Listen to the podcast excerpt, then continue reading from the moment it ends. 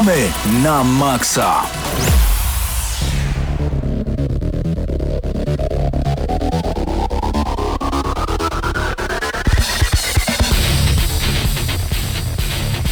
Minęła godzina 21 w Radiu Free i czas nagramy na maksa przed mikrofonem Mateusz Świduta, razem ze mną w studiu jest... Mateusz Zdanowicz.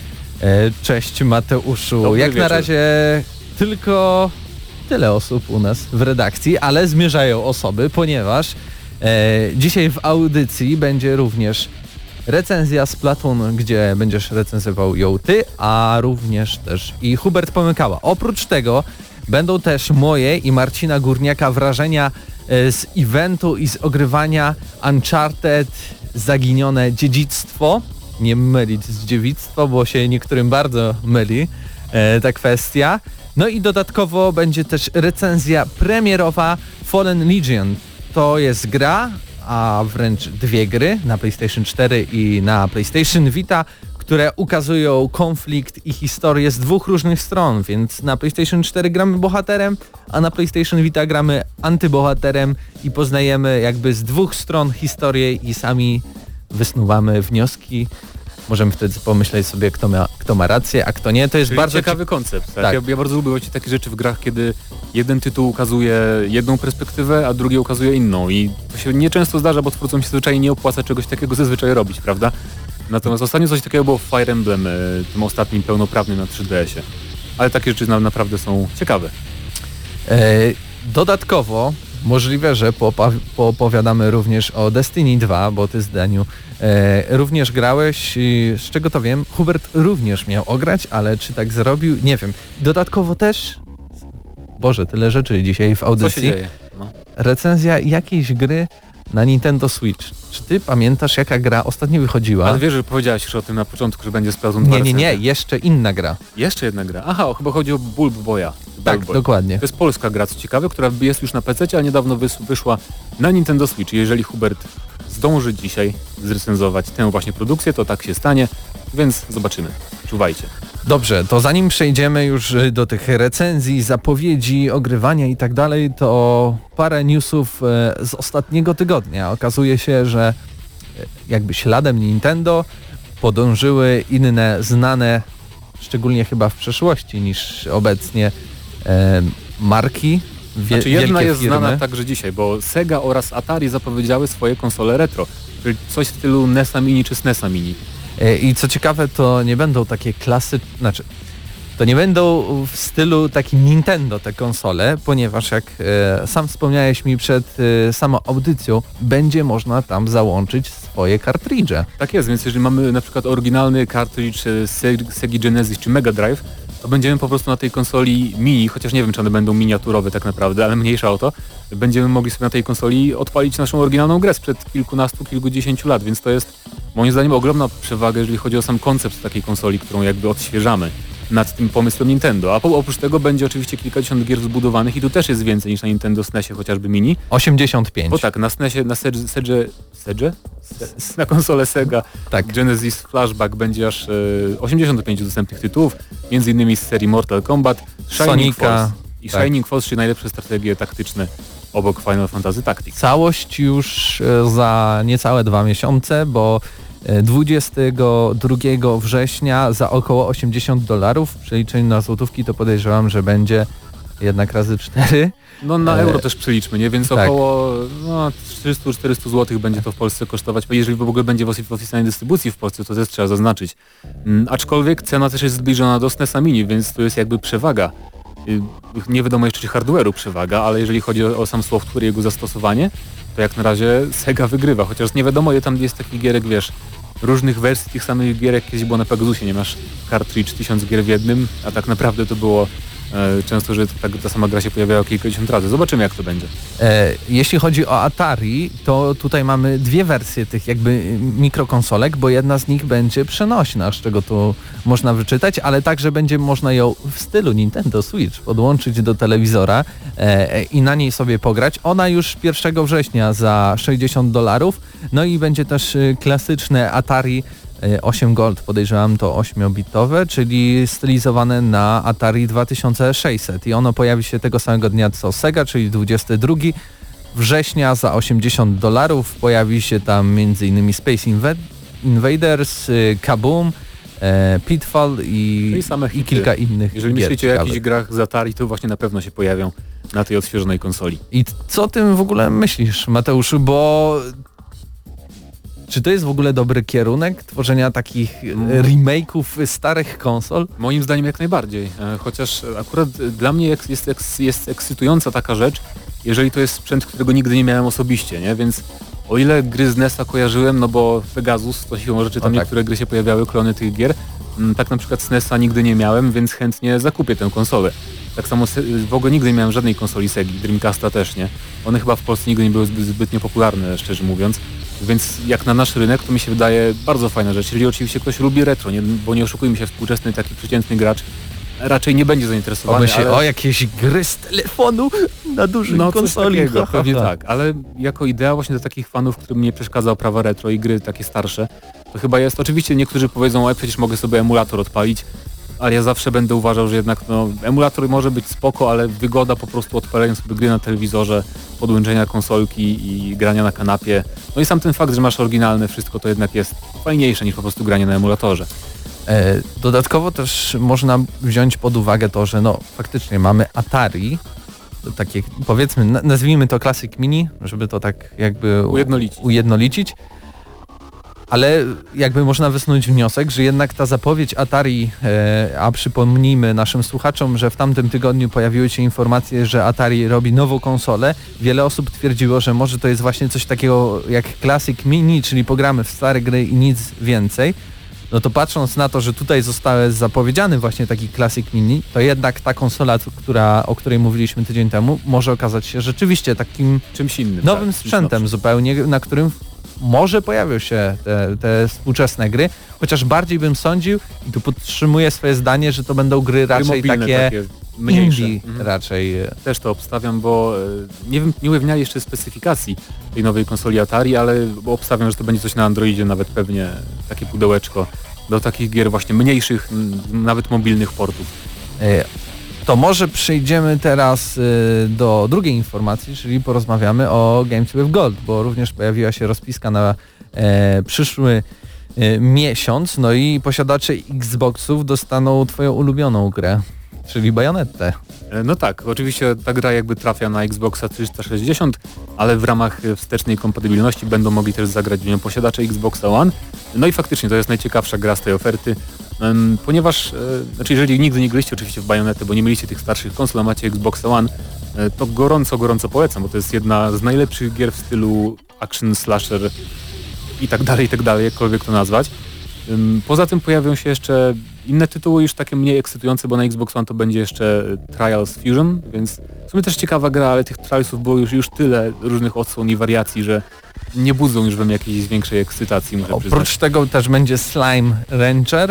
E, Cokolwiek to, to, to, To jest znaczy taka, to jest taka logiczna jest. gra niezależna, y, nasz widok FPP i z tego co widziałem na zwiastunie to po prostu jakieś takie małe stworki w stylu um, Flabera przynosisz za pomocą Portalgana. Nie, nie mam pojęcia o co tam chodzi. Ale co mnie bardziej interesuje, to jedna z y, najfajniejszych gier. Znaczy, ja bardzo dobrze ją wspominam, czyli Red Faction Armageddon. E, powiem Ci, że nie grałem w Armageddon chyba. Znaczy, Jeżeli tam też była destrukcja Była. otoczenia taka fajna, to Była. też polecę od razu Była. na ślepo, bo wszystkie poprzednie Red Faction mi się zawsze bardzo podobały. Dobrze, Zdeniu. Nie tracąc czasu, może przejdziemy e, do recenzji Fallen Legion, którą przygotowałem razem z Marcinem Górniakiem.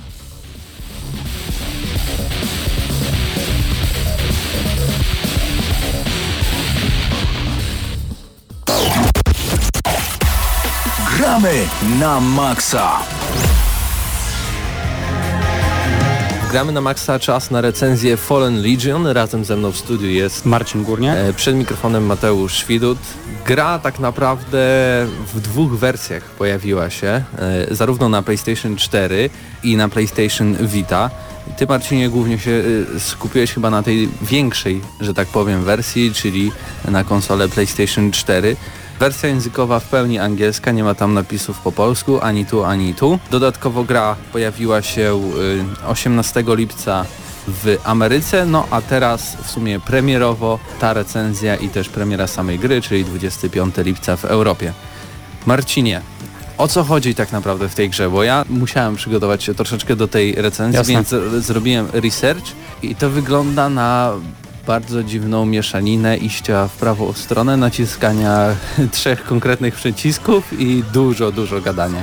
I tak naprawdę już podsumowałeś tę produkcję, ale rozwijmy to trochę, żeby nie było, że tak gołosownie wydajemy te oceny. Cała rozgrywka roz... dzieje się w świecie Fenumia, tak naprawdę skupiamy się na tak zwanym Imperium Fenumia, którym kieruje oczywiście imperator, cesarz, no, który prowadzi się w sposób powiedzmy, że nie najlepszy, dlaczego o tym za chwilę. Mm, Natomiast na początku samej produkcji toczy się wielka wojna, wielka wojna z bliżej nieokreślonym przeciwnikiem. I wybucha bunt, pewna rebelia, o czym też jakby sugeruje jeden z podtytułów na PS Vita, czyli e, Flames of Re- Rebellion. Z drugiej strony wersja na PS4 ma podtytuł Sins of an Empire, czyli możemy się domyślić tak naprawdę już po samych podtytułach, gdzie leży problem. Natomiast, owszem, są dwie wersje, kierujemy natomiast dwoma bohaterami. Z jednej strony mamy księżniczkę Cecilię, która jakby jest e, prawowitą spadkobierczynią tronu, gdyż imperator w momencie początku gry umiera. Natomiast z drugiej strony mamy e, buntownika, osobę, która staje na czele całej rebelii, czyli generała Imperium e, Fenumia i jest to legatus Low-Dur. Dlaczego on akurat podejmuje się e, rebelii, dlaczego on w ogóle występuje przeciwko imperatorowi, o tym dowiadujemy się jakby w trakcie tej produkcji. Sam motyw mogę powiedzieć, że nie jest jasny i przez dłuższą chwilę nie wiemy dlaczego tak naprawdę tego dochodzi, natomiast no, rebelia ma miejsce i musimy jakby ją albo stłamsić, albo stanąć, jeżeli gramy w wersję PS Vitową, no na jej czele. To właśnie jest chyba jedną z najciekawszych rzeczy, że jakby gry wychodzą na dwie platformy i w każdej grze stoimy po przeciwnej stronie barykady, więc możemy też jakby, żeby zobaczyć pełne spektrum tej całej opowieści, warto by zagrać i zarówno na PlayStation 4, jak i na PlayStation Vita, bo wtedy możemy zobaczyć te dwie strony i tak naprawdę wysnuć wniosek, za którą tak naprawdę jesteśmy. Dokładnie tak i teraz nawet jak e, gadaliśmy przed samą recenzją, zastanawiałem się, e, gdybym miał polecić komuś rozpoczęcie przygody właśnie z Fallen Legion, od której części bym polecił zacząć. Nie umiem na to pytanie odpowiedzieć, bo tak naprawdę co chwilę będziemy mieć trochę spoilerów, to znaczy jeżeli zgraliśmy najpierw wersję na PS4, no to wiadomo, że pewne plot twisty będą dla nas jasne, jeżeli gramy w wersję później PS Vitową. Jeżeli robimy to odwrotnie, no to analogicznie po prostu część rzeczy będzie dla nas e, znana. Choć zapewne y, większość osób ma jednak w swoich domach PlayStation 4, więc jakby tylko ta wersja będzie wchodziła w grę. I teraz zamykając już ten wątek fabularny, o którym powiedziałem, no bo oczywiście wybucha rebelia, e, z jednej strony mamy księżniczkę, która będzie chciała ją stłamsić, z drugiej strony generała, który będzie chciał zdobyć tron. W to wszystko mieszają się mroczne mm, mroczna magia w postaci księgi Grimoire, czyli takiej księgi magicznej, jak ktoś ogólnie kojarzy różne tytuły fantazji, to właśnie są określane magiczne księgi, czyli Grimoire. Ona e, zapewnia mm, no, niezwykłe moce e, zarówno księżniczce, jak i temu generałowi. Na czym to polega? No przede wszystkim możemy przyzywać egzemplary, czyli takich naszych e, pomagierów, którzy bezpośrednio nawiązują do tytułu całej produkcji, czyli do Fallen Legion, gdyż te egzemplary to są bohaterowie z minionych dni e, świetności całego królestwa, całego tego cesarstwa Fenumia. I są oni bardzo przeróżni, to znaczy mamy bohatera takiego awatara mm, wielkiego miecza, który jakby tutaj się urzeczywistnia poprzez wizję księżniczki i generała. Mamy tak samo e, egzemplary, które reprezentują e, łuczników, strzelców e, wyborowych, a nawet powiem Ci co ciekawe, no, osoby posługujące się jakimiś takimi dziwnymi broniami w postaci laserów. Co nie jest dziwne, bo można automatycznie troszeczkę przejść do elementu, jakim jest y, sama rozgrywka, bo jest Tak. to gra JRPG. Pamiętajmy, więc jeśli to jest JRPG, to już rozumiem, dlaczego nagle lasery pojawiły się w jakimś tam fantazy, powiedzmy, świecie. E, dodatkowo to jest JRPG dosyć specyficzne, bo to jest 2D JRPG, w którym idziemy do przodu i też są elementy bijatyki, bo tak jak na samym początku wspomniałem, sama rozgrywka wydaje się opierać tylko właśnie na naciskaniu konkretnych przycisków Na w określonym czasie. wręcz. Dokładnie tak. Tak się może wydawać, dopóki nie spędzimy z tą grą trochę więcej czasu. O co chodzi? Tak naprawdę nie mamy żadnej władzy nad bohaterem, jeżeli chodzi już o konkretne plansze, levele, w których musimy się poruszyć. Tak naprawdę e, za całe poruszanie się w tej produkcji odpowiada system, który został stworzony przez twórców. Idziemy cały czas w prawo. Po drodze zdarzają się różne eventy, typu spotykamy wieśniaków, mówią nam o sytuacji, znosi się nam morale całej tej armii, no ale spotykamy oczywiście też przeciwników. Oni są mocno ograniczeni i powtarzalni, niestety. Spotykamy smoki, wiwerny, spotykamy żołnierzy przeciwnej armii, różnych przeciwników, z którymi nas jakby tak brata ten, ta księga Grimoire. No i oczywiście bossowie, którzy są tutaj takim creme de la creme i dla których tak naprawdę w ogóle e, Fallen Legion nabiera rumieńców i warto dla nich zagrać w tę produkcję. Natomiast o ile nie kierujemy tymi postaciami, to wykonujemy nimi ataki, tak jak powiedziałeś, i pod każdym przyciskiem, czyli pod standardowym trójkątem, krzyżykiem, kółkiem i kwadratem mamy odpowiednie ataki. Za każdy atak odpowiada jakby inna postać, czyli możemy sobie ustawiać. Pod kółkiem będzie na przykład łucznik, pod krzyżakiem będzie osoba posługująca się mieczem, a pod dowolnym innym jakiś tam inny awatar, czyli ten egzemplar.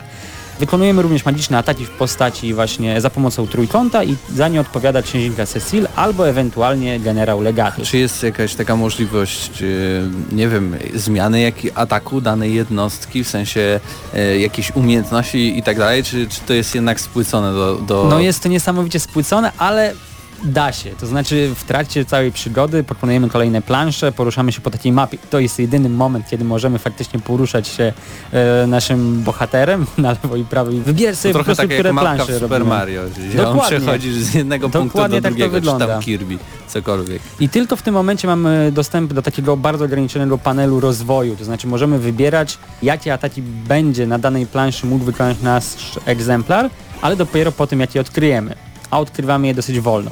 Plusem jest to, że w trakcie przygody tych egzemplarów zdobywamy dosyć sporo, ale jeżeli używamy na przykład cały czas tylko trzech, nie oznacza to, że inni egzemplary nie będą się rozwijały. I to jest ok, bo szczerze mówiąc miałem taką swoją ulubioną czwórkę i pozostałych w ogóle w trakcie rozgrywki praktycznie nie używałem. A propos samych bossów, y, czy to jest tak, że każdy boss jest na jakiś sposób, trzeba go przejść, pokonać, czy jednak to jest po prostu przeciwnik, który jest y, silniejszy i po prostu więcej czasu nam zajmuje samo jego pokonanie? I czy Tak. rzeczywiście to tak działa? Jeżeli chodzi o sposoby pokonania tych bossów, no to oczywiście wykonujemy te sekwencje ciosów, mamy poniżej, jakby w dolnej części całego menu, tutaj będzie też znowu trochę o same, samej strukturze walki, y, mamy kilka slotów. Te sloty zapełniają się po odpowiednim naciskaniu y, właśnie tych przycisków, czyli kółko, krzyżyk i tak dalej, i tak dalej. I mamy pewne sekwencje zwykłych ataków, właśnie wykonywanych poprzez te przyciski, plus specjalne ataki, które są jakby generowane dopiero po odpowiednim wykonaniu kombinacji. Te specjalne ataki są oczywiście silniejsze, pozwalają nam jakby przełamać obronę przeciwnika, na przykład bossa i wtedy, wtedy dzięki temu uruchamiać specjalne ataki, dzięki którym no, szybciej po prostu go pokonujemy. Możemy masochistycznie podchodzić do tematu i próbować go załatwić zwykłymi atakami, ale zajmie nam to dużo więcej czasu. No i tutaj wychodzi bolączka całej tej produkcji, bo nie mamy rozwoju postaci. To znaczy, jeżeli umrzemy, jeżeli przegramy, jeżeli zechcemy cofnąć się do głównego menu i na przykład wybrać sobie jakieś takie, nie wiem, możliwości kustomizacji bohaterów, to nie mamy tego.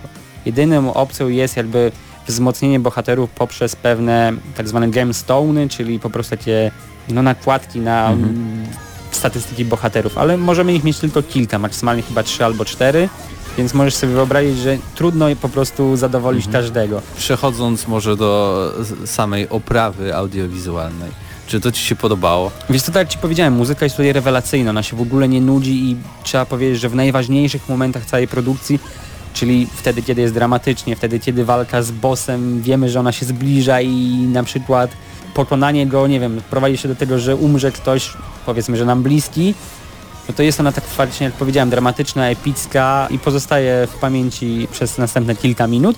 Jeżeli chodzi o samo wizualia, no to tutaj myślę, że od razu, jeżeli ktoś widzi graffiti z Fallen Legion, no to musi to skojarzyć z chociażby Dragon's Crown, z Buramasą Rebirth, czy chociażby z, Bo- z Sphere. To są naturalne skojarzenia, te sprite'y są przepięknie rysowane, lokacje są No właśnie lokacje bym powiedział, że y, kreska z samego tego, co dzieje się z tyłu całego tła jest dosyć taka średnia, bym powiedział. Okej. To, co się na pierwszy rzut oka odznacza, to rzeczywiście bohaterowie i samochód, czyli to, to wszystko, te paski i tak dalej. To jest dosyć fajnie zrobione, ale moim zdaniem to, co dzieje się z tyłu, to dało się to lepiej jednak chyba narysować. I to jest bolączka właśnie wersji na PS Vita, która pomimo tego, że narzekasz na to, że to nie wygląda super pięknie, moim zdaniem jest to narysowane przepięknie i ma to swój urok, ale widocznie nie jest to dla każdego, to ta wersja na PS Vita potrafi się przyciąć, więc jeżeli kupujecie akurat y, tę wersję, miejcie to w pamięci, że będą zgrzyty. Dopóki nie pojawią się kolejne aktualizacje, będą zgrzyty. Okej, dziesiąta minuta wybija na naszym zegarze, więc chyba czas na podsumowanie. Wiesz co, to jest bardzo trudny w ocenie tytuł, bo ma swoje plusy, yy, czyli właśnie na przykład tę grafikę, system walki, który jest naprawdę prosty w opanowaniu, ale bardzo trudny w wymasterowaniu. I przebijanie się przez osłony niektórych bossów, którzy są bardzo szybcy, jest yy, piekielnie trudne, wymusza na nas naprawdę masterowanie po prostu tych, tych umiejętności, podobnie jak dobieranie poszczególnych egzemplarów, którzy pozwolą nam w łatwiejszy sposób pokonać dany level. Ale z drugiej strony no niestety optymalizacja, mała różnorodność przeciwników, oprócz bossów, dodatkowo mm, konieczność jakby poznania dwóch stron, żeby poznać całą przygodę. No to wszystko sprawia, że no niekoniecznie można spojrzeć na ten tytuł przychylnym okiem. Cena jest atrakcyjna, natomiast y, jeżeli ta promocja się skończy, no to 40 dolarów za To tytuł i tak trochę powtarzalny. mniej, bo jakby pełne gry, takie AAA kosztują około 60 dolarów, prawda? Dodatkowo o czym nie wspomniałem, to mamy voice acting, który jest i go nie ma. To znaczy tylko niektóre kwestie są jakby podłożone, resztę mamy totalnie po prostu mówioną, przekazaną za pomocą tekstu. Nie wiem czemu tak to jest zrobione, bo nie ma to trochę sensu, to nie jest nawet przydzielone w ten sposób, że te najważniejsze teksty są jakby oddzielone chapterami i przygody, one są totalnie losowe. Wybór dziwny. Ode mnie ocena za całokształt 5,5. 5,5, bo tak naprawdę nie wyobrażam sobie tutaj, żebyśmy przechodzili tę grę kilkukrotnie, a twórcy dają nam taką możliwość poprzez tryb e, New Game Plus plus dodatkowy tryb One Life Mode, gdzie bez opanowania systemu do perfekcji nie wierzę w to, żebyśmy przy jednym życiu mogli przejść całą produkcję, która no to będę nie mam pojęcia ile w nią grałem, bo gra nie zawiera licznika godzin spędzonych w produkcji, czyli tak naprawdę mogę Ci powiedzieć, że to było około godzin 8, 10, ale to takim przy kolejnym podejściu, więc i długo i niedługo zarazem. E, Okej, no to 5,5 odgramy na maksa. E, kody dostaliśmy dzięki... Outreachowi, za któremu bardzo dziękujemy za możliwość zrecenzowania tego tytułu. E, tak więc zapraszamy również i do naszych innych recenzji, szczególnie na nasz kanał YouTube GNM Crew, tak się nazywamy na YouTubie oraz na naszej stronie www. Tam też znajdziecie e, ostatnie audycje, podcasty i inne recenzje.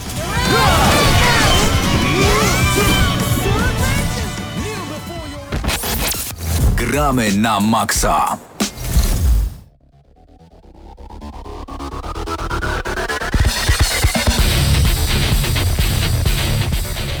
No i wracamy do gramy na maksa.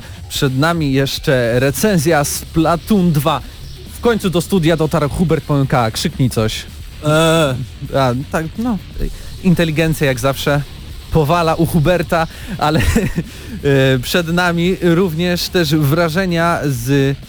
Właśnie, Mateuszu, bo kłóciłeś tak, się... Ja, ja zapowiem, ponieważ Troszeczkę, bo ja nazywałem to jako, że to jest po prostu dodatek do Uncharted 4, a to nie jest dodatek, to jest taki spin-off, samodzielny spin-off. Znaczy, Powiedz coś Uncharted więcej. chodzi ogólnie o Uncharted Zaginione Tak. Dziedzictwo, bo nie, nie powiedzieliśmy chyba jeszcze. E, I moim zdaniem to jest samodzielna gra, właśnie taki pseudo spin-off, czy no po prostu spin-off, nawet nie pseudo.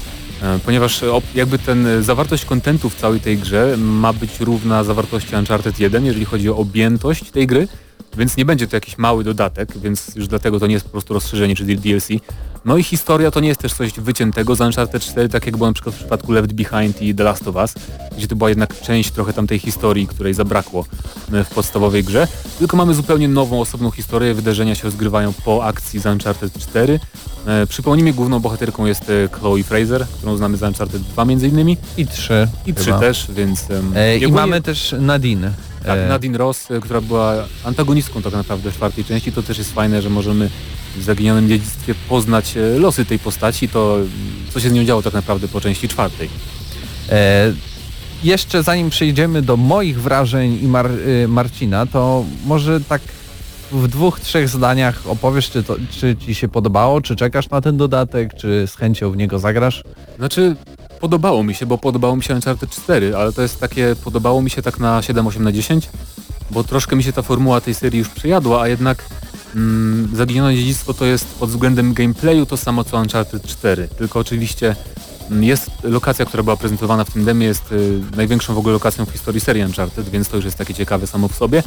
Natomiast sam gameplay jest po prostu przyjemny w stylu Unchartedowym, to znaczy bardzo fajna jest walka, podoba mi się to, że możemy- wybierać czy się skradamy, e, czy stawiamy na otwartą walkę bardziej, czy w ogóle omijamy niektórych przeciwników, więc to jest spoko. E, Powraca też mo motyw jazdy autem po tej ogromnej lokacji. Szukanie znajdziek jest nadal przyjemne. No i jest też element też wspinaczkowy, ten, którego niezbyt lubię ogólnie od już jakiegoś czasu. No i są dwie nowe rzeczy, czyli otwieranie zamków, taka minigierka, e, jak i podświetlanie przeciwników. Ale o tym wszystkim, o tych nowościach i o tym, co nas czeka w dodatku do... dodatku, w spin-offie do Uncharted 4 już za chwilę.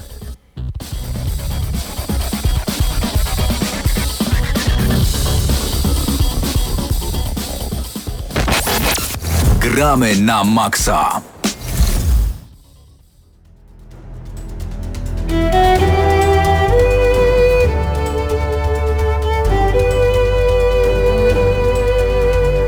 Wgramy na maksa czas na nowość razem ze mną w studiu. Marcin Górniak. E, Przed mikrofonem Mateusz Świdut. Y, Marcinie, ostatnio byliśmy na pokazie Uncharted Zaginione Dziedzictwo, y, angielski podtytuł The Lost Legacy, czyli samodzielny dodatek do Uncharted 4, a więc nie musicie posiadać Uncharted 4, żeby odpalić najnowsze dzieło Naughty Dog. Wystarczy, że kupicie po prostu ten dodatek. Dokładnie. Data premiery około 22 albo 23. 3 e, sierpnia. To się troszeczkę różni. Europa, Polska, bo jak zawsze w Polsce są premiery we wtorki i w piątki. Tak więc mieliśmy okazję sprawdzenia około 40-minutowego fragmentu zaginionego dziedzictwa. Trafiliśmy tym razem do Indii, bo właśnie na tym terenie skupi się cały dodatek. Co ciekawe, nie wcielimy się tutaj w Nathana Drake'a, więc nie będzie śmiesznie. Tak podejrzewam, przynajmniej w tym fragmencie nie było za bardzo śmiesznie. Nie pojawiły się jakieś takie fajne mm, komediowe wstawki, a za to wcielamy się w Chloe Fraser i Nadine Ross. Nadine Ross należała do kompanii, do, do firmy Shoreline, z którą właśnie Nathan Drake walczył. Chyba prywatnej E, armii możemy tak, powiedzieć. Walczył w Uncharted 4. To wszystko, co się dzieje w tym dodatku, to już jest czas po Uncharted 4. Tak Dokładnie więc tak.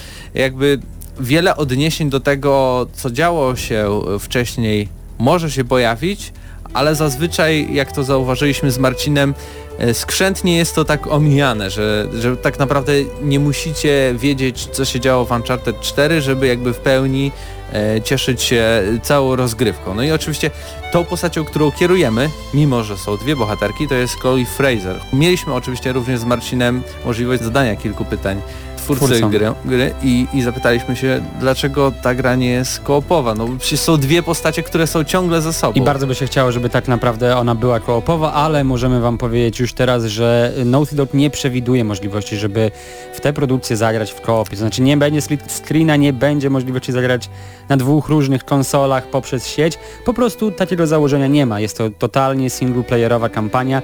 I główną bohaterką jest Chloe. Nadine jest tutaj tylko jakby takim e, sidekickiem, Chociaż- pomocnikiem. jakby trybko pojawia się w grze w formie Survivalu. trybu prze, przetrwanie, gdzie tam hordy pokonujemy.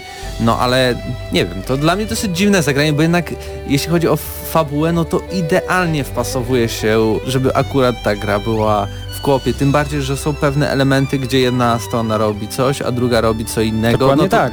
Idealnie udałoby się I z tego trochę, zrobić I trochę tego No, ale- brakuje. Natomiast y, tutaj Mateusz powiedział, że ta relacja pomiędzy Chloe, Nadine a braćmi Drake jest tutaj trochę skrzętnie pomijana. Ujmę to chyba tak, że jeżeli graliście w Uncharted 4, z pewnością będą tutaj smaczki y, przeznaczone typowo dla was, bo będziecie znali po prostu ostatnią przygodę braci Drake, w sumie pierwszą, ostatnią. Natomiast w jednym fragmencie była sytuacja, w której y, przecież Nadine y, pytała Chloe, znaczy stwierdziła fakt, że no słyszałem, że masz niezłe kontakty z braćmi Drake, a Chloe tutaj się wymijając powiedziała, nie rozmawiajmy o tym. No to właśnie o, o to mi chodziło, że jednak to jest jakby Więc e, tego, typ, tego typu smaczków będzie jak najwięcej. Natomiast dowiedzieliśmy się też kilku rzeczy właśnie poprzez rozmowę z twórcami i chcielibyśmy tutaj Wam je przekazać. Po pierwsze, będziemy poruszać się tylko i wyłącznie po Indiach. Jeżeli liczyliście na to, że zwiedzimy inne krainy, no to tutaj musimy Was zawieść. cała przygoda będzie się skupiała właśnie na tym e, terenie typowo indyjskim. I to jest spowodowane tym, że oczywiście szukamy pewnego artefaktu w Indiach i, Który jest tym... mocno związany tak. z mitologią indyjską, tutaj z e, bogiem Ganeshą, e, jeżeli dobrze zapamiętałem, przepraszam, nie znam aż tak ten dobrze mitologii. Ten Słonia. dokładnie tak. Co więcej, nie będzie timeskipów. Jeżeli liczyliście na to, że zobaczymy e, przeszłość Chloe, podobnie jak widzieliśmy przeszłość Nathana w czwórce, no to takich momentów ma tutaj nie być. A szkoda, bo twórcy zaznaczyli, że relacja Chloe z ojcem będzie w tym spin-offie bardzo ważna. Więc tutaj takich smaczków moglibyśmy się spodziewać, ale jednak ich nie będzie. Co związane chyba z samą fabułą, to chyba nie mogło zabraknąć e, przynajmniej mojego pytania, na ile starszy DLC. E, Niestety... e, I uzyskaliśmy wymijającą Twór- Twórca odpowiedź. powiedział, no to zależy jak będziemy grali.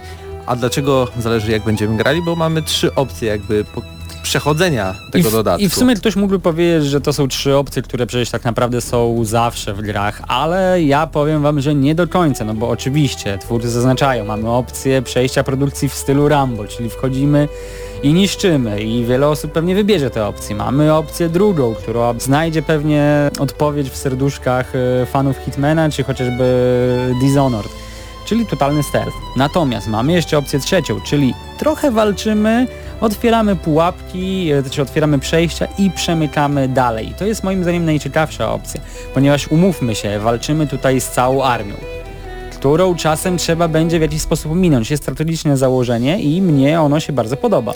E, Zdecydowanie chyba nawet sam poziom trudności był chociaż był ustawiony na normal, to jednak y, jakby czuło się, że ci przeciwnicy są trochę trudniejsi, jest ich trochę, trochę więcej, bo później jak przyjechaliśmy do ciebie po pokazie i zagrałem w Uncharted 4 na tym miażdżącym, który sobie ustawiłeś, bo chcesz zebrać y, trofeum, no to faktycznie aż takiej dużej różnicy nie było, bym powiedział.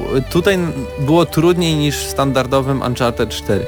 Ale może to wynikało też z tego, że w Uncharted 4 akurat ja grałem niedawno, a ty już jakiś czas temu, więc siłą rzeczy. Ale jest pewien element, który ma nam e, tę rozgrywkę, a przynajmniej poziom trudności trochę ułatwić, a jest to dodatkowy element w postaci podświetlania przeciwników i ich jakby czujności względem naszych poczynień. To znaczy, jeżeli oni nas nie widzą, no to są zaznaczeni przez nas, e, kiedy ich widzimy na biało. Taki, taka podś- poświata ich otacza. Jeżeli są zaniepokojeni, no to zaczynają się świecić na żółto. Natomiast no jeżeli już ewidentnie weszliśmy w ich spektrum e, widzenia, jeżeli wiemy, że będą nas atakować i oni są zaniepokojeni, no to świecą się na pomarańczowo. No pomarańczowo, czerwono, no I powiedzmy. Nie jestem przekonany do tej funkcji. To znaczy dla mnie ona jest e, ułatwieniem. Czy jest łatwiej? Nie, to i tak było widać. Bardziej mi to po prostu przeszkadza wizualnie, bo wybija troszeczkę z takiego klimatu, że umówmy się, grafika w Uncharted to jest mistrzostwo świata, jeśli chodzi o 100% zgody. PlayStation, PlayStation 4. Więc jakoś wybija z tego klimatu, że to może jest taki film, może to jest trochę takie realistyczne, bo pod, pojawia nam się podświetlenie, jeszcze brakowałoby dym jak Metal Gear Solid i, i jakiegoś wykrzyknika i totalnie już Mogliby to dodać wypadł z tego dodatek. klimatu. Nowością jest też otwieranie zamków, ponieważ y, w Uncharted... Gdzie zamków skrzyń chyba. Skrzyń, tak, bo w Uncharted zazwyczaj mogliśmy podejść, otworzyć skrzynię, czy coś tam wyciągnąć sobie, tak po prostu. Tutaj już będzie taka minigierka, łamigłówka, w której będziemy obracali wytrych i tak dalej. Nie dane było nam tego sprawdzić, ale zostało nam to opisane. Zostało opisane, ale tak naprawdę właśnie nie wiemy jak to wygląda, więc trudno nam się o tej funkcji y, wypowiadać. Będzie możliwość również zdobycia platyny. Chociaż jest to standalone, chociaż jest to dodatek, będziemy mieć platynę. No i jeszcze co ważne, chociaż jest to dodatek samodzielny, to jednak będzie zawierał cały tryb multiplayer z, z normalnego Uncharted 4. Więc jeśli będziecie chcieli pograć po prostu z, z kimś innym w multi, no to nie musicie kupować Uncharted zwykłego, bo możecie to zrobić na tym dodatku. Ważnym pytaniem było również co dalej, bo prawda teraz za niecały miesiąc wychodzi ten dodatek i czy zobaczymy coś A my chcemy przecież powrotu Drake'ów. no, ale, ale niestety twórcy stwierdzili, że po tym dodatku przechodzą wszystkie, wszystkie Siły. ręce na pokład na The Last of Us Part 2, czy tam I w sumie nie ma się co 2. dziwić, bo już trochę na The Last of Us e, nowe czekamy. I jeszcze to ważne pytanie, bo też plotki się pojawiały wokół właśnie e, przeniesienia na PS4 Złotej Otchłani, czyli Golden Abyss, e, chyba produkcji, którą jako, jako jedyna nie powstała do końca spod dłuta Naughty Dog. Tutaj usłyszeliśmy odpowiedź, która może być ciekawa. Tak naprawdę twórcy są gotowi, natomiast wszystko zależy od Sony od tego, czy Sony stwierdzi, że wyprodukowanie tej części remastera ma sens. No warto tylko zaznaczyć, że e, właśnie nie robiło to Naughty Dog, tylko Sony Band. Sony Band to są twórcy aktualnie Days Gone, które będzie w tym, e, w tym roku jeszcze na PlayStation 4. Czyżby po tak więc- Days Gone? Zobaczymy, wiesz, wyjdzie dodatek, nie będzie nic z Uncharted, to się, to się coś wyda, podejrzewam. Tak po prostu. Pewnie tak będzie.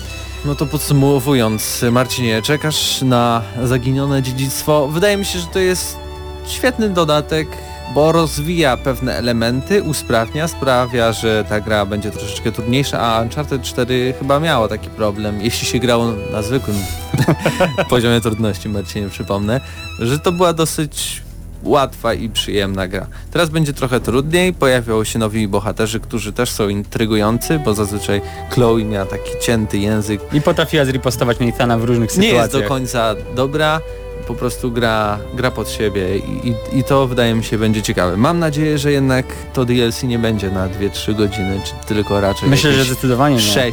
6-7, wtedy bym był u, powiedział okej, super. Tutaj, Macie moje pieniądze. tutaj twórcy zresztą nawiązywali właśnie w prezentacji, y, którą mieliśmy okazję oglądać, że to nie jest tak krótki dodatek jak dodatek do The Last of Us, więc to już nie wiemy ile, na ile to jest godzin, ale wiemy, że na pewno jest dłuższe niż dodatek do The Last of Us. To Czyli już dłużej niż dwie. Tego jesteśmy pewni. Zdecydowanie czekam, naprawdę. Dobrze, taka wstępna ocena od Ciebie. Taka, nie, no, nie, nie, w ogóle nie chcę tego Nie będziemy podejmować. tego robić. Nie. To jest zbyt mało widziałem, ten 45-minutowy fragment Yy, takie stwierdzenie wyczekujemy. daje ok, czyli jak najbardziej. Okej, Czyli yy, zaginione dziedzictwo Uncharted dostaje miano wyczekujemy, odgramy na maksa i tak Da- naprawdę Dajcie mi to już. za, za miesiąc sprawdzimy i w pełni zrecenzujemy ten dodatek.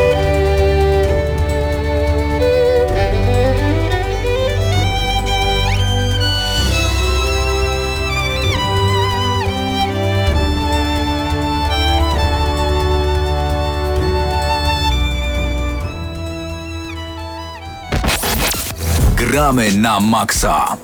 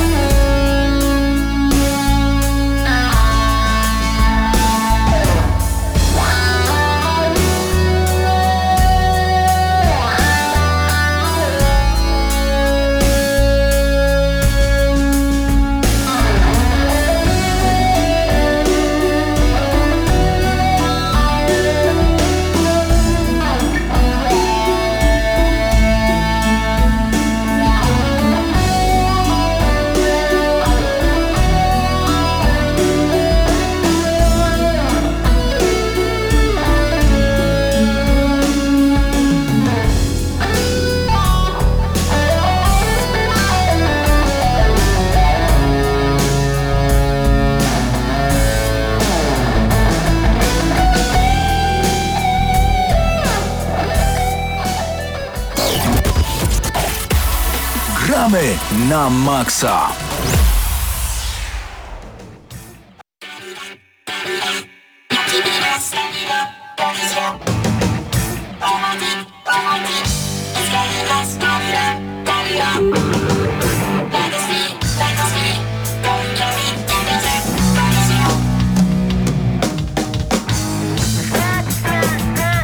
Taka muzyka przygrywa nam w przypadku gry w Splatoon 2 bardzo często, ale to na szczęście nie jest jedyny utwór, który pojawia się w tej grze. E, Ze mną w recenzji jest, Mateusz Donowicz. ja jestem Hubert Pomykała, jak ktoś nie pamiętał. I zabieramy się za najnowszą pozycję ze stajni Nintendo, która zmierzała bezpośrednio na konsolę Nintendo Switch, czyli Splatoon 2. E, Producentem jest Nintendo, wydawcą również Nintendo, wydawcą na Polskę jest e, czeski Conquest Entertainment. I ty grałeś bardzo dużo w pierwszą część. Ja grałem w pierwszą jest. część, ale mniej, to znacznie mniej. Natomiast y, jesteś weteranem, myślę, y, pierwszej części, tak zwanej No. jednej z pięciu gier, które pojawiły się kiedykolwiek na Nintendo Wii U. E, ponieważ tej konsoli tak naprawdę praktycznie nikt nie miał, ona się fatalnie sprzedała. Splatoon 2 zmierzał od początku tylko i wyłącznie na Nintendo Switch i jest tym, czym powinien być Splatoon tak naprawdę na premierę. Natomiast jest tam rzeczy więcej, wszystko jest lepsze i bardziej dopracowane, ale pewne mankamenty jak najbardziej się pojawiają. Tak jest, i na początku też powiem, bo poja- pojawiają się takie głosy, że to powinno być e, takie coś w stylu Splatoon w wersji Deluxe, tak jak mieliśmy Mario Kart 8 Deluxe. No ale w tym przypadku to mielibyśmy tą samą grę, tylko z, ze wszystkimi dodatkami, ewentualnie nowymi mapami. A tu otrzymujemy jednak... E, no to, to, tak, to jest cały czas bezpieczny sequel bardzo, który nie zmienia praktycznie nic pod względem rozgrywki, podstawy rozgrywki. Ale nowości jest na tyle dużo, że no i oczywiście trafia na zupełnie nową platformę, co też jest ważne. No, że jak najbardziej jakby jest usprawiedliwiony to, że jest sequelem i zupełnie osobną, odrębną grą. Dokładnie tak, zgadzam się w 100%. Myślę, że zresztą e, to jest łatwa gra do wejścia na tej zasadzie, że mimo, że jeśli chodzi o zmiany, zmiany stricte w rozgrywce, czyli powiedzmy sposób strzelania e, kałamarzem, o czym za chwilę opowiemy, e, to Splatoon 2 jest pod każdym względem lepszą pozycją dla osoby, która nigdy nie grała w pierwszą część, bo tam jest po prostu więcej treści. Pierwszym znaczącym elementem jest kampania dla pojedynczego gracza. E, 9 godzin zajęła, powiedzmy, Około 9 godzin, tak. Niestety wadą to, że nie pokazuje nam dokładnie ile spędziliśmy czasu w grze, Tak, ale myślę, że kampania, tak zresztą też to, co inne osoby mówią, bo gra już zadebiutowała 21 lipca, czyli nie powiedzieliśmy na początku. No, Więc już- już, e, na rynku jest. Tak, już ludzie zdążyli przejść kampanii, właśnie około 10-9 godzin zajmuje ukończenie jej. No I ona jest zrobiona w takim, to jest, ja to nazywam połączeniem platformówki i strzelanki, bo i to, i co I ciekawe, również.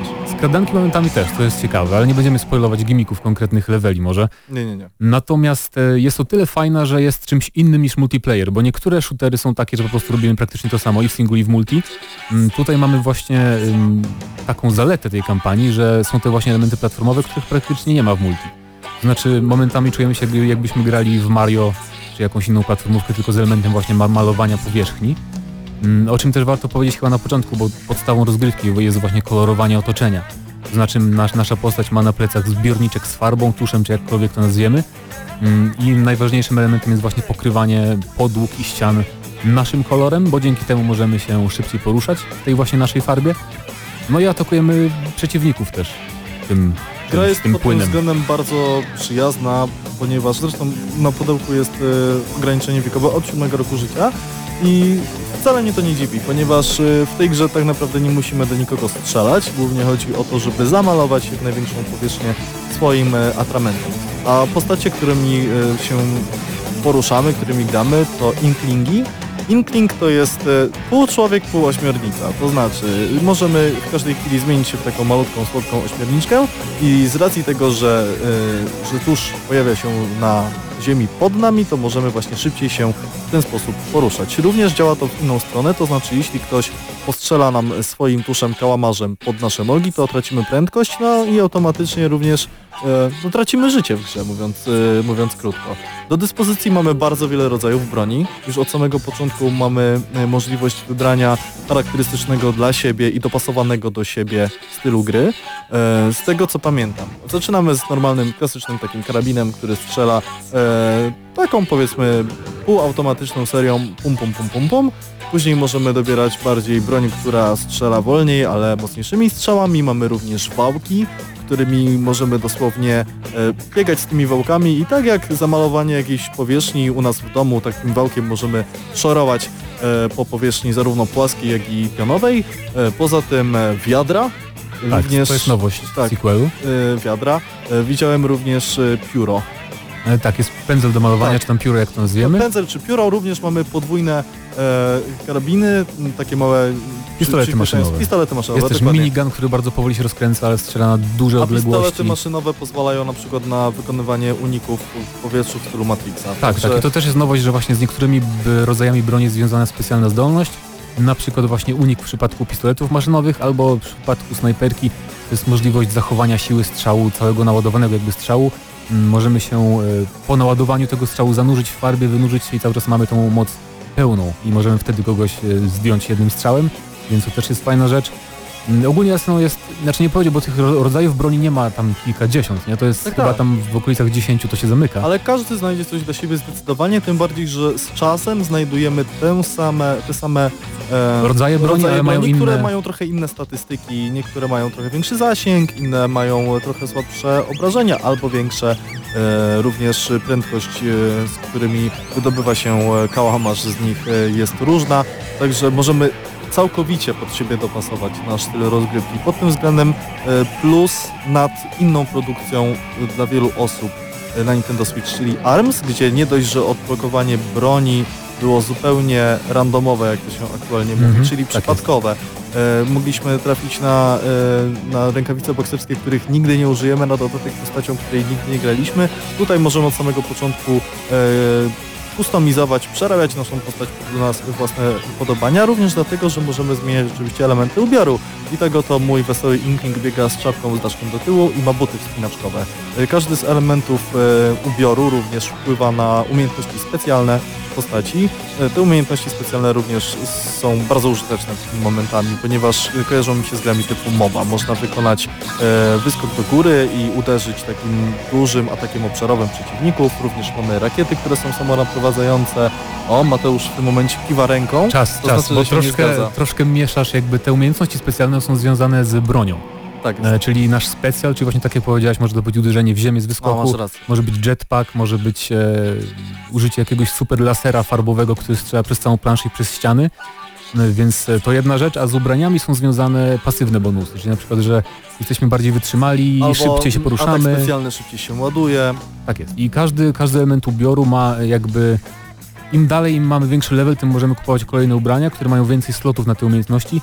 Im więcej czasu spędzamy w multiplayerze z danym ubraniem wyposażonym, tym jest szansa, że on, znaczy na pewno w końcu odblokuje kolejne umiejętności, ten dany element stroju. One są przydzielane losowo, więc dzięki temu jakby mamy cały czas motywację, żeby kupować kolejne ubrania, nawet jeżeli mamy już cały zestaw z jakby tam e, ze wszystkimi umiejętnościami, na przykład czapkę czy jakieś tam buty, to i tak możemy sobie kupić kolejne, żeby zyskać inny zestaw umiejętności na nich. Więc to jest takie fajne, że cały czas mamy motywację właśnie, żeby kupować i powód, żeby kupować nowe ciuchy. To jest bardzo fajne, bo też przebieranie naszych postaci jest całkiem angażujące. Dokładnie. Poza tym to jest bardzo rozbudowany system, który na dodatek został zaprezentowany w bardzo przystępny sposób. Więc myślę, że każdy się w tym jak najbardziej odnajdzie. E, Generalnie nowością również Splatoon 2 jest e, tak zwany hub, czyli miejsce, w którym e, zaczynamy rozgrywkę za każdym No razem. też nie do końca. No też nie do końca. Znowu cię no, muszę ale- No, no w porządku. Znaczy nowością jest y, wygląd huba, nie? Bo w jedynce też był taki hub, ale to był niby na Japonię stylizowany, na japońskie miasto. A to jest Nowy Jork. Tu mamy tak, Ink, Inkpopolis. Ink, nie, już nie będę tego Inkopolis, wymawiał, bo tak, tak. Inkopolis, y, czyli stylizowane na tam Manhattan czy Nowy Jork. I możemy sobie z tego huba przechodzić do różnych sklepów, gdzie właśnie kupujemy ubrania. Mamy również e, miejsce, w którym sprzedawane są e, hot dogi zrobione z kukurydzy. Tak, i da, dają nam różne bonusy. Jest też salon gier, gdzie możemy sobie wejść i zagrać w coś w stylu uproszczonego Guitar Hero, czy jakiejś tam gry muzycznej. E, Oczywiście dostęp do tych wszystkich e, atrakcji jest też dostępny poprzez wciśnięcie przycisku. Nie musimy chodzić, e, że tak powiem, ręcznie. Tak. Pomieszczenia do drugiego wystarczy, że wciśniemy lewy albo prawy Ale to jest przycisk. fajne, chodzenie po tym hubie jest fajne, bo spotykamy innych graczy, czy tam awatarów, awatary innych graczy. nad którymi na dodatek pojawiają się no, ekraniki z jakimiś tam wypowiedziami albo z rysunkami, które mogą przygotować. Pod tym względem Splatoon 2 jest niezwykle przyjazny dla gracza. Tak jest. Bardzo dużym minusem, jak dla mnie, tej gry, e, a raczej konsoli Nintendo Switch jest problem z połączeniem, e, ponieważ posiadam w swoim mieszkaniu Nintendo Switch w odległości 1 metra od PlayStation 4 za ścianą, e, w innym pomieszczeniu znajduje się router. I PlayStation 4 bez problemu łapie mi połączenie, nigdy nie miałem żadnych lagów w tej grze, natomiast żeby pograć po sieci w Splatoon 2, naprawdę jeśli uda mi się zagrać trzy e, mecze tym pomieszczeniu, siedząc wygodnie na e, fotelu przed telewizorem, to jestem szczęśliwy. Za wszystkich innych pojawia mi się błąd, e, połączenia zostaje wyrzucony, nie dostaje żadnego doświadczenia w związku z tym. Na dodatek pojawia mi się komunikat, że e, to, co, to, w to, w jaki sposób grałem było bardzo zastanawiające, a później dostaję 5-minutowego bana. E, Okej, za opuszczenie pewnie gry jakby, tak? Tak, za opuszczenie gry, No dokładnie ale tak. mimo wszystko to jest jednak wada taka, bo na przykład ja nie mam w ogóle z tym problemu, to jest wada pewnie jakaś z konsolą. Oczywiście, kiedy zabiorę egzemplarzem. sobie e, egzemplarz samego tableta, czyli samego ekranu konsoli do drugiego pokoju, postawię go i wezmę normalnie pad do ręki, to pod tym względem e, jak najbardziej da się w tę grę grać, również w wersji e, takiej, w której początkowo Switch został stworzony, czyli w wersji przenośnej całkowicie e, jest to możliwe, tylko że w tej wersji z kolei ta gra jest praktycznie niegrywalna. E, można wszystko ustawić i wyregulować, natomiast w sytuacji, kiedy na przykład leżymy, to musimy pomimo ciągłego resetowania kamery, to jest bardzo dużym plusem, musimy za każdym razem e, trzymać konsolę w jednej konkretnej pozycji, inaczej e, nasz, nasza postać potrafi się odchylić do tyłu albo Chyba, że wyłączymy sterowanie ruchowe. Wtedy problem może zniknąć. Chyba, że wyłączymy sterowanie ruchowe, tak jak ty robisz. Grając Tak, ja, na Pro ja gram właśnie Pro. Controllerem, czyli tym drogim kontrolerze niestety, który kosztuje ponad 200 zł, ale musiałem kupić, bo grałem te sprawdź testy na zwykłym kontrolerze Switcha. Bardzo mi się nie podobało ułożenie analoga prawego w stosunku do przycisków tych po prawej stronie, więc po prostu źle mi się grało. No, ale jeszcze, jeszcze szybko o zawartości, bo tak powiedzieliśmy, że jest kampania i ona jest bardzo różnorodna i na pewno godna polecenia, jest lepsza niż w pierwszym Splatunie. Na dodatek każdą z misji musimy e, tak jakby odnaleźć, to znaczy... Tak. Są takie jakby hub worldy w, tych, w Tak, tym po, pojedyncze małe dzielnice tak jakby, które Mhm. są zawieszone w powietrzu i dzięki temu, że strzelamy z kołamarza i możemy kombinować, wspinamy się na kolejne powiedzmy budynki i różne, różne przeszkadzajki tak zwane, po to, żeby dostać się do e, czajnika albo do do, do konkretnych misji po prostu przechodzimy Tak. w ten sposób. Są też walki z bossami, jest ich w sumie chyba pięć. Są całkiem ciekawe i trochę lepsze niż też w pierwszej części. Niektóre się powtarzają, ale mają dodatkowe gimiki e, bossowie z pierwszych części. Poza tym singlem całkiem różnorodnym i naprawdę satysfakcjonującym jest też e, nowość, czyli tryb kooperacji, e, w którym z trójką innych graczy możemy odpierać ataki ryb, zmutowanych ryb, czegoś w tym rodzaju, które wychodzą na nas z morza i są też e, w każdym takim, w każdej takiej potyczce jest też, pojawia się też kilka bossów i pokonanie każdego skutkuje tym, że upuszczają specjal, upuszcza specjalne jajka, które musimy przynieść do koszyka. I to jest bardzo fajny do, dodatek do gry, e, taka, takie uzupełnienie normalnej rozgrywki, przy czym wadą jest to, że on nie jest dostępny cały czas. Z jakichś powodów Nintendo sobie postanowiło, że koop będzie dostępny tylko w określonych godzinach. Na przykład dzisiaj, od, dzisiaj, dzisiaj przez 12 godzin, ale jutro w ogóle nie będzie dostępny. Następnego dnia przez 5 godzin, potem 2 dni przerwy, potem przez całą dobę. Jest to strasznie dziwne. Generalnie problemy z czasem pojawiają się cały czas, mówiąc kolokwialnie, ponieważ w pierwszej części mieliśmy rotację map co 4 godziny. Polega to na tym, że kiedy chcemy zagrać rozgrywkę, to co te 4 godziny mamy dwie mapy do wyboru. W tym e, w wersji Splatoon 2 mamy 2 godziny i co dwie godziny zmieniają się mapy, ale tak czy inaczej nie ma możliwości, żebyśmy usiedli sobie na godzinę przed konsolą i zagrali przez pełne spektrum 10 map, które są dostępne w trybie e, podstawowym, rozrywkowym, tylko mamy do wyboru tylko wyłącznie dwie, dwie mapy, jedna po drugiej zazwyczaj jest rozgrywana, e, dlatego musimy jak najszybciej dobić dziesiątą rangę, żeby móc grać w ma nowe mapy na trybie rankingowym. No i poza tym Tak, przy czym w trybie rankingowym też są tylko rotacje, są, tam też są Tak. tylko dwie mapy, więc to jest strasznie dziwne. To jest, to jest y, moim zdaniem źle wyciągnięty wniosek, jeśli chodzi o Nintendo.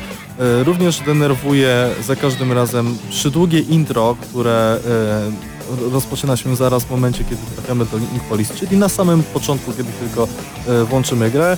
Tam dwie panie siedzą sobie na swoich fotelach, jedna skreczuje i, i pokazują mapy, które, którym będziemy grali i to trwa 30 sekund, 40 sekund, tylko że każdym razem, kiedy to oglądamy, nic się w tym nie zmienia, No. to nie ma za bardzo sensu. W jedynce było gorzej pod tym względem, możesz powiedzieć? Wydaje mi się, nie jestem pewien teraz, ale wydaje Okej. mi się, że to się pojawiało to intro za każdym razem, kiedy zmieniała się rotacja map. Natomiast jeżeli chodzi jeszcze szybko o multiplayer, bo są różne tryby rozgrywki. W podstawowym trybie, takim nierankingowym, jest tylko zamalowanie jeden mapy. rodzaj rozgrywki, właśnie zamalowywanie mapy, o to tylko chodzi, więc kto ma na końcu meczu dwójpółminutowego, to też, też jest fajne, że te mecze są krótkie, mi to się bardzo podoba. Tak, tak, Kto dokładnie. ma więcej koloru na mapie, ten wygrywa. Jeżeli nab- nabijemy 10 level, to są też mecze rankingowe i tam już są trzy zupełnie inne tryby. Jest przenoszenie artefaktu, yy, takiej capture the flag powiedzmy, jest kontrola wieży, która się porusza przez całą mapę i też musimy ją przejąć, żeby jakby jechać na niej w stronę, w stronę bazy przeciwnika. Jest też zamalowywanie konkretnego tylko wycin, wycinka lokacji, więc to jest też takie fajne, że w tych rankedach są zupełnie inne tryby. Chociaż też, no mówię, yy, przez dwie godziny jest jeden tryb, potem to się zmienia, jest inny tryb i nie ma tej trochę różnorodności, jeżeli gramy krótko. Prawdziwa gra zaczyna się po prostu po 10 randze. E, reasumując i podsumowując, Splatoon 2 to w tym momencie e, prawdopodobnie najlepsza pozycja sieciowa, jeśli chodzi o Nintendo Switch. E, niesamowicie miodna rozgrywka. E, wszystkie będę można śmiało Splatoon 2 wybaczyć. E, nieważne czy będą e, rozwiązane, czy nie będą rozwiązane, ponieważ gra tak naprawdę jest dostarczona w bardzo dobrej formie. Możliwości kustomizacji i- i rozgrywki jest wystarczająco dużo. Nie, nie zauważyłem ani żadnych spadków e, płynności. Graficznie jest naprawdę ślicznie. E, Zdecydowanie polecam. Ode mnie 8. Chciałbym dać 9, ale jednak te drobne e, przytyki mnie męczą. Poza tym, tak jak powiedziałeś na samym początku, to jest bezpieczny e, sequel, bezpieczna druga część. Chciałbym jednak troszeczkę więcej, mimo że to, co dostałem z Platon 2, całkowicie mnie satysfakcjonuje. Ode mnie też 8 na 10, też chciałbym dać 9 za samą rozgrywkę, bo jest tak bardzo przyjemna. W każdym trybie, niezależnie od tego, w co gramy. Zamalowywanie przeciwników i mapy jest strasznie przyjemne.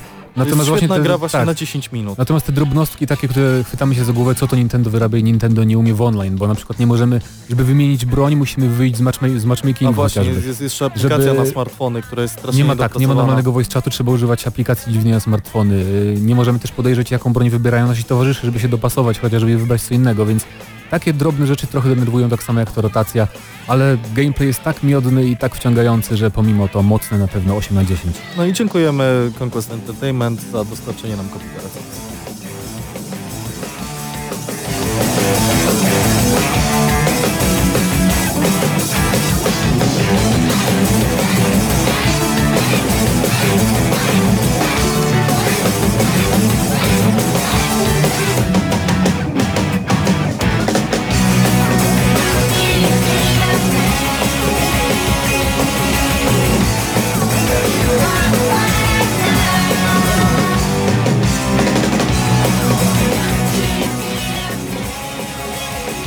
I wracamy do gramy na maksa. Praktycznie cała godzina już za nami, a więc y, tak Zostały naprawdę... tak naprawdę 3 minuty. No, ale przygotowujemy się już mentalnie do następnej audycji, a w następnej audycji słyszałem, następnej że audycji- kolejna gra na Nintendo Switch. Tak, Słyszycie? tym razem Są polska gra, gry. polska gra Bulb Boy. To jest gra, która już wyszła na wszystko, co można, na, na co mogła wyjść, czyli na Steam, na urządzenia mobilne, czyli iOS, Android. I wyszła też na Nintendo Switch. E, Firma Bulbware była wystarczająco uprzejma, żeby dostarczyć mi kopię do recenzji. I ogrywam ją, ale zagrałem zdecydowanie za mało, żeby ją zrecenzować, a to jest gra, która wymaga przejścia tak naprawdę, żeby móc e, powiedzieć o niej wystarczająco dużo. Tym bardziej, że chcę się pod tym względem również przygotować w taki sposób, żeby porównać e, tę wersję chociażby do wersji z telefonu. E, czy coś jeszcze oprócz tego kręciło się u ciebie w czytniku? Tylko i wyłącznie Splatoon, bo Splatoon jest na tyle... A właśnie, a właśnie, wróciłem do wróciłem do Wipeouta i nie, nie żałuję zupełnie, że wystawiłem tej grze 9 na 10. Wipeout niesamowicie wciąga, jest bardzo, bardzo miodny. Prędkość, tak jak mówił Paweł Typek w naszej recenzji, którą możecie sprawdzić na naszym kanale na YouTubie. Zawrotna. zawrotna, w, wciąga po prostu, wpija w fotel i to jest niesamowicie dobra gra, serdecznie polecam. Bardzo chciałbym zagrać w ogóle w y, Crasha. Kurczę, no, no, no. Musimy się złożyć i kupić tą Kupimy, grę. kupimy Ona podobno nie jest, nie jest droga, Tak. chociaż słyszałem, że ceny w ogóle poszybowały w górę, jak się okazało, że w w sklepach nie ma egzemplarzy i Okej. ludzie jakieś Janusze biznesu, że tak to nazwę, sprzedawali ją za około 500 zł. Co? Tak, O tak. nie, nie mogę Więc. Hubercie trzeba było kupić Crasha i później sprzedawać na serwisach Musimy jeszcze powiedzieć jedną rzecz, już niedługo Gamescom. Tak, już pierwsze Już pokazy, już na wszystko pokazy. jest tam... Oczywiście nie możemy wam powiedzieć na, na jakie pokazy się Ale zapisujemy. są nowości. Ale są nowości i muszę przyznać, że zaczęliśmy z takiego wysokiego C. Mam nadzieję, że kolejne nuty, które nam się uda zdobyć, jeśli chodzi o pokazy, będą jeszcze wyższe. A jak jest wyżej? Jest Y, B? Nie, nie, nie, no. C koniec. Nie da się Chodzi o wyżej. to, że jest wysokie C. Bo powiedzieć, że zac- zaczęliśmy na B, będzie C. Będzie C, prawda? tak. A później kolejna ta. D- Dobrniemy do E i do droby i będziemy grać dżem. Dobrze. Za tydzień też pewnie porozmawiamy też o Destiny. Do, o Destiny 2, tak. W tym tygodniu nie starczyło czasu. Tak to bym powiedział, że tak szybko wszystko minie. gramy na maksa. Ostatnia minuta została, Mateusz więc Widut. Y, Hubert Płękała i, I Mateusz Zdanowicz. był. Zostawimy was z muzyką Splatoon.